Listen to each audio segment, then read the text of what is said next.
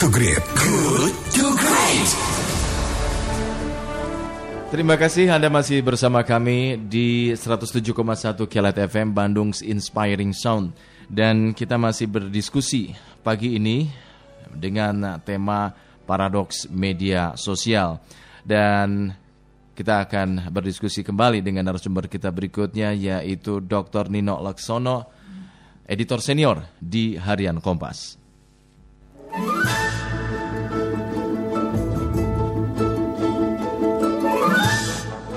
Pak Nino, apa kabar? Selamat pagi, Ijo dan sahabat Kelight. Selamat pagi. Kabar Anda sehat-sehat saja, Pak Nino? Alhamdulillah. Semoga Anda juga. Alhamdulillah sehat juga, Pak Nino. Senang sekali mendengar ya. seorang senior dari harian uh, uh, idola saya ini. nah, nah, ini sebetulnya agak kontras nih. Kenapa? Membahas, membahas uh, media sosial milenial harusnya milenial juga narsumnya. iya, harusnya iya. Pak Nino ya.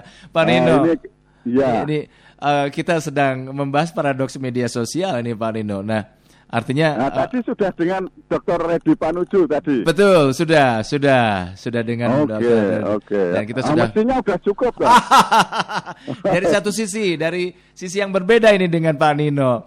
Nah, iya. bagaimana Anda menggambarkan perbandingan antara media mainstream ya, perusahaan pers yang berbadan hukum jelas, terverifikasi oleh Dewan Pers, iya. menerapkan standar profesional dan verifikasi yang super ketat demi menjaga kredibilitas dengan uh, dibandingkan dengan media sosial yang justru memiliki problem utama ini Pak Nino, akurasi fakta di tengah masyarakat. Oh, ya. ya ini sudah uh, di tengah-tengah masyarakat yang sebagian besar masih illiterate gitu.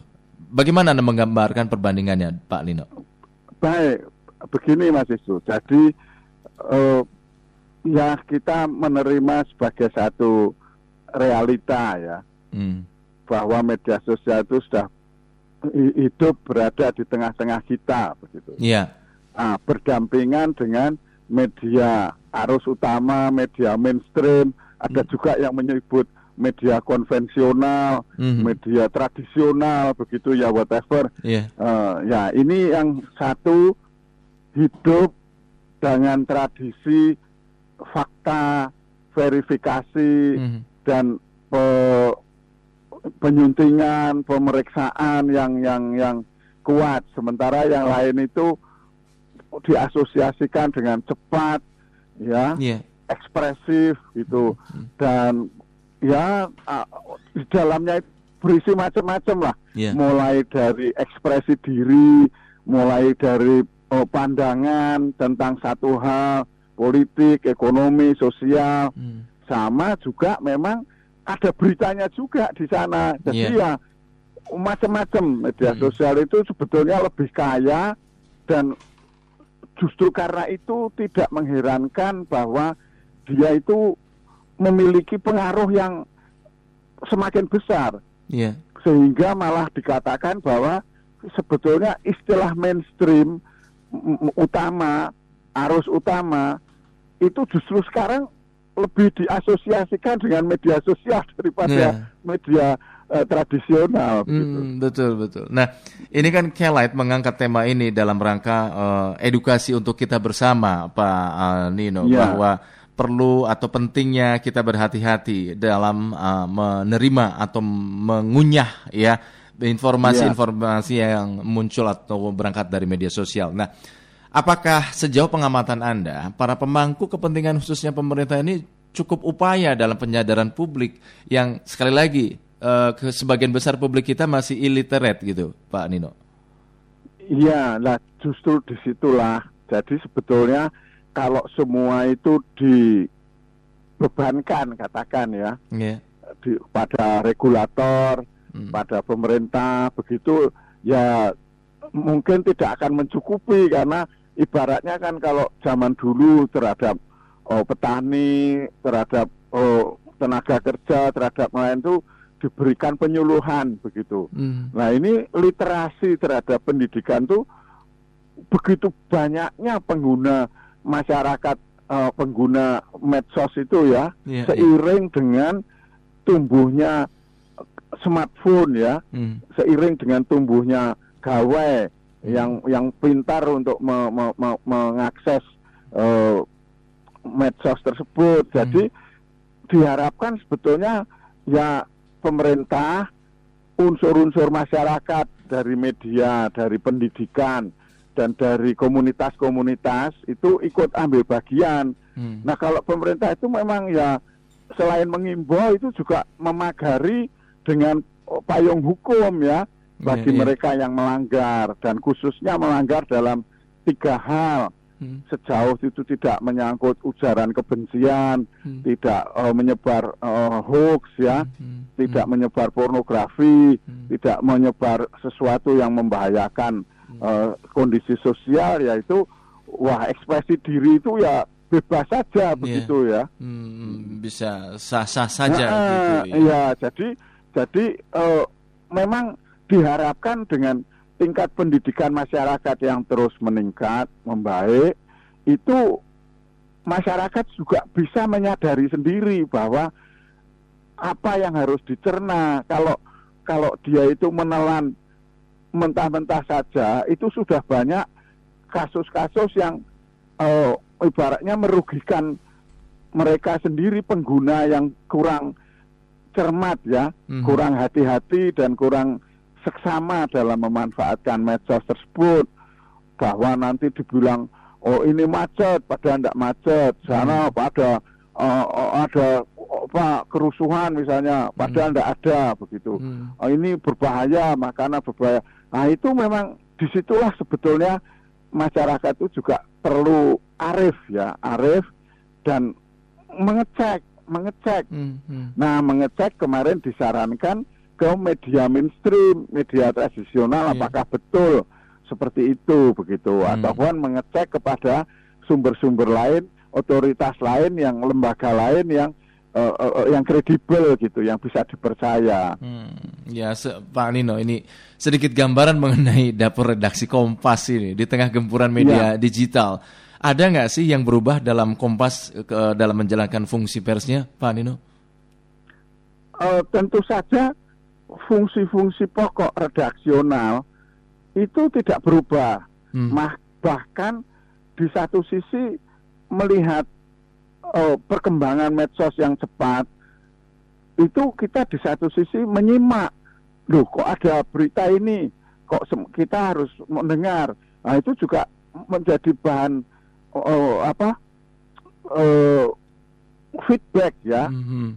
terhadap konten tapi kalau editorial practices praktek-praktek redaksional oh, itu tetap jadi mm-hmm. wartawan mencari berita berita yang diperoleh diperiksa oleh redaktur ya. Iya. Nah, redaktur itu memeriksa usah betul diteruskan ke bagian produksi. Hmm. Hmm. Kalau produksi ada yang ragu bisa mengecek ke eh, apa lembaga lebih tinggi yaitu redaktur pelaksana. Hmm. Misalnya masih belum uh, yakin juga terhadap uh, satu berita bisa minta pandangan pimpinan redaksi. Hmm. Nah, jadi praktek-praktek gatekeeping itu ya, yeah. menjaga gawang itu dipraktekkan, dipraktekkan terus. Nah, hmm. Nah, termasuk juga dalam menyikapi uh, isu-isu uh, topik yang muncul di medsos itu.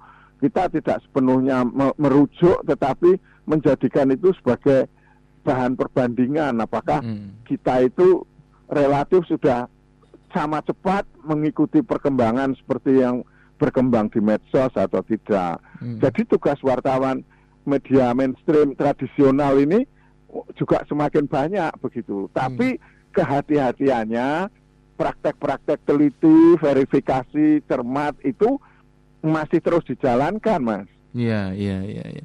Pak Nino, ini kan kemarin uh, saya baca uh, di Harian Kompas ya uh, opininya Dr. Reddy itu yang mengibaratkan. Ya. uh, kehadiran media sosial itu sebagai ibarat uh, keranjang sampah. Keberadaannya dibutuhkan untuk menampung benda-benda akhir ya kan yang bikin sumpah. Iya iya iya. Bagaimana Anda yeah. menanggapi pemikiran itu Pak Nino?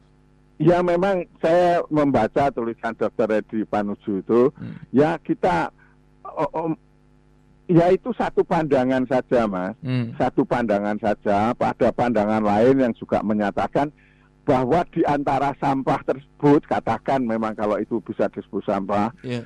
itu ya harus dipilah-pilah juga. Hmm. Tetap ada dipilah-pilah juga karena sebagian itu juga memuat fakta yang betul, memuat berita yang betul, memuat ungkapan dan ekspresi uh, individu, ekspresi uh, hati yang yang tulus juga di sana. Hmm. Hmm. bahwa memang kenyataannya campur aduk dengan halusinasi ya, yeah. bercampur dengan isapan jempol hmm. dan lebih buruk lagi sering bercampur dengan hoax, hmm. bercampur dengan barang-barang yang tidak jelas itu ya fakta. Tetapi bahwa barang sering kali orang juga mendapat berita pertama katakan tentang oh, kecelakaan pesawat, tentang terjadinya gempa apa sering itu juga muncul dari dari medsos mm -hmm. yeah.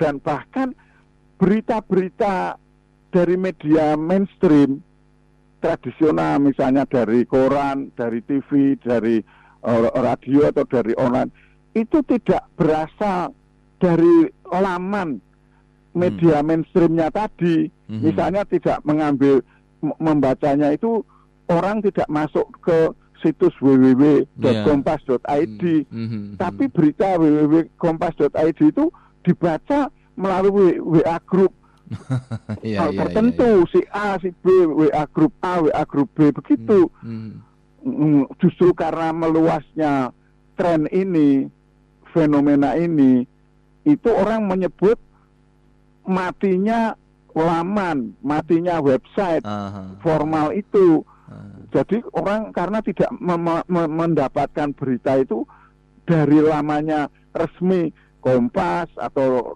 pikiran rakyat misalnya yeah. di Bandung, tapi dari WA Group uh-huh. gitu. Iya iya iya menarik menarik. Pak Nino ini yang terakhir dalam momen yeah. Hari Pers Nasional tahun ini kan Presiden Jokowi menyampaikan negeri ini membutuhkan pers yang baik untuk mengabarkan kebaikan, menumbuhkan ya, demokrasi dan menjaga NKRI. Tapi ya. sekarang pers ini sedang menghadapi tantangan yang juga tidak ringan, tantangan luar biasa karena disrupsi digital, Pak Nino. Ya kita sama-sama tahu. Betul.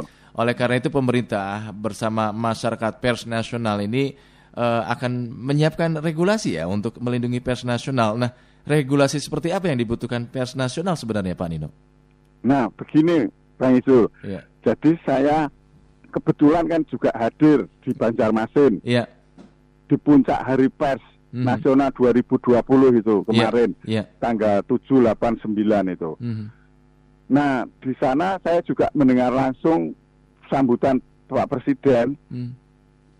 nah, di tengah kondisi masyarakat yang membutuhkan informasi yang bagus ini itu ada tiga hal yang bisa saya sampaikan. Pertama memang harapan Bapak Presiden tersebut hanya bisa diwujudkan oleh wartawan yang baik. Hmm. Ya, wartawan yang baik itu oh, hanya muncul dari industri media, hmm. industri pers yang baik begitu. Hmm, Oke. Okay. Nah sayangnya kok justru industri pers nasional dan mungkin juga banyak di mancanegara itu yang sedang ter uh, ter apa tertimpa atau ter tersambar oleh guncangan, oleh disrupsi ya. Yeah, yeah. Revenue-nya menurun. Mm -hmm.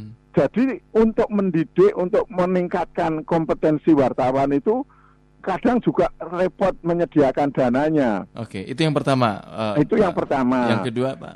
Nah, yang kedua itu uh, jadi masalah kompetensi, masalah industri warta, industri media itu hmm. yang memang uh, macam-macam oh, terkena dampak digital dan disrupsi itu. Yeah. Nah, yang ketiga itu kenapa di dalam ketika industri media nasional itu sedang uh, mengalami hal yang berat seperti ini, hmm. itu ada pihak dari luar hmm. yang malah berjaya. Hmm. Itu namanya news aggregator itu. Oke, okay, news Jadi, aggregator. Agregator itu pengumpul, yeah. ngambil berita dari sana dari sini hmm. untuk oh, masuk ditaruh di situsnya. Yeah.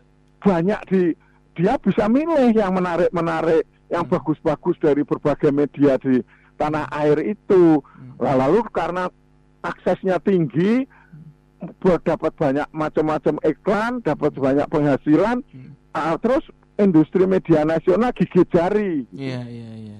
Nah, itulah yang sebetulnya diharapkan ingin diatur. Hmm. Uh, bagaimana pajaknya, yeah, yeah. bagaimana pembagian uh, profit yang diperoleh dari dari ngambil ini sana sini Betul. sana sini itu. Betul. Bagaimana uh, pengaturan yang lain-lain sehingga bisnis media hmm. persaingan ini lebih fair. Iya, iya.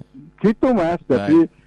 Memang di di di uh, Banjarmasin itu hmm. pesan hmm. yang ter yang ditanyakan terakhir itu bergaung kuat ya. Iya, iya, baik. Pak Nino, terima kasih sekali uh, atas pemikiran Anda, uh, apa pendapat Anda pagi ini menambah referensi buat kami semua di sini, Pak Nino. Betul, saya ya. juga ingin menyampaikan Selamat pagi kepada sahabat Kelait. Hmm. Semoga tetap optimis dan bijaksana dalam me memanfaatkan medsos. Semoga yeah. Kelait terus memberikan uh, semangat literasi kepada masyarakat Bandung dan Jawa Barat. Baik, terima salam kasih. Saya. Terima kasih Pak Nino. Sukses untuk Anda Pak Nino. Salam, salam. Ya. Terima kasih Bang Isu. Ya, ya. Selamat pagi. Pagi. Sahabat kita demikian Dr. Nino Laksono, editor senior di Harian Kompas.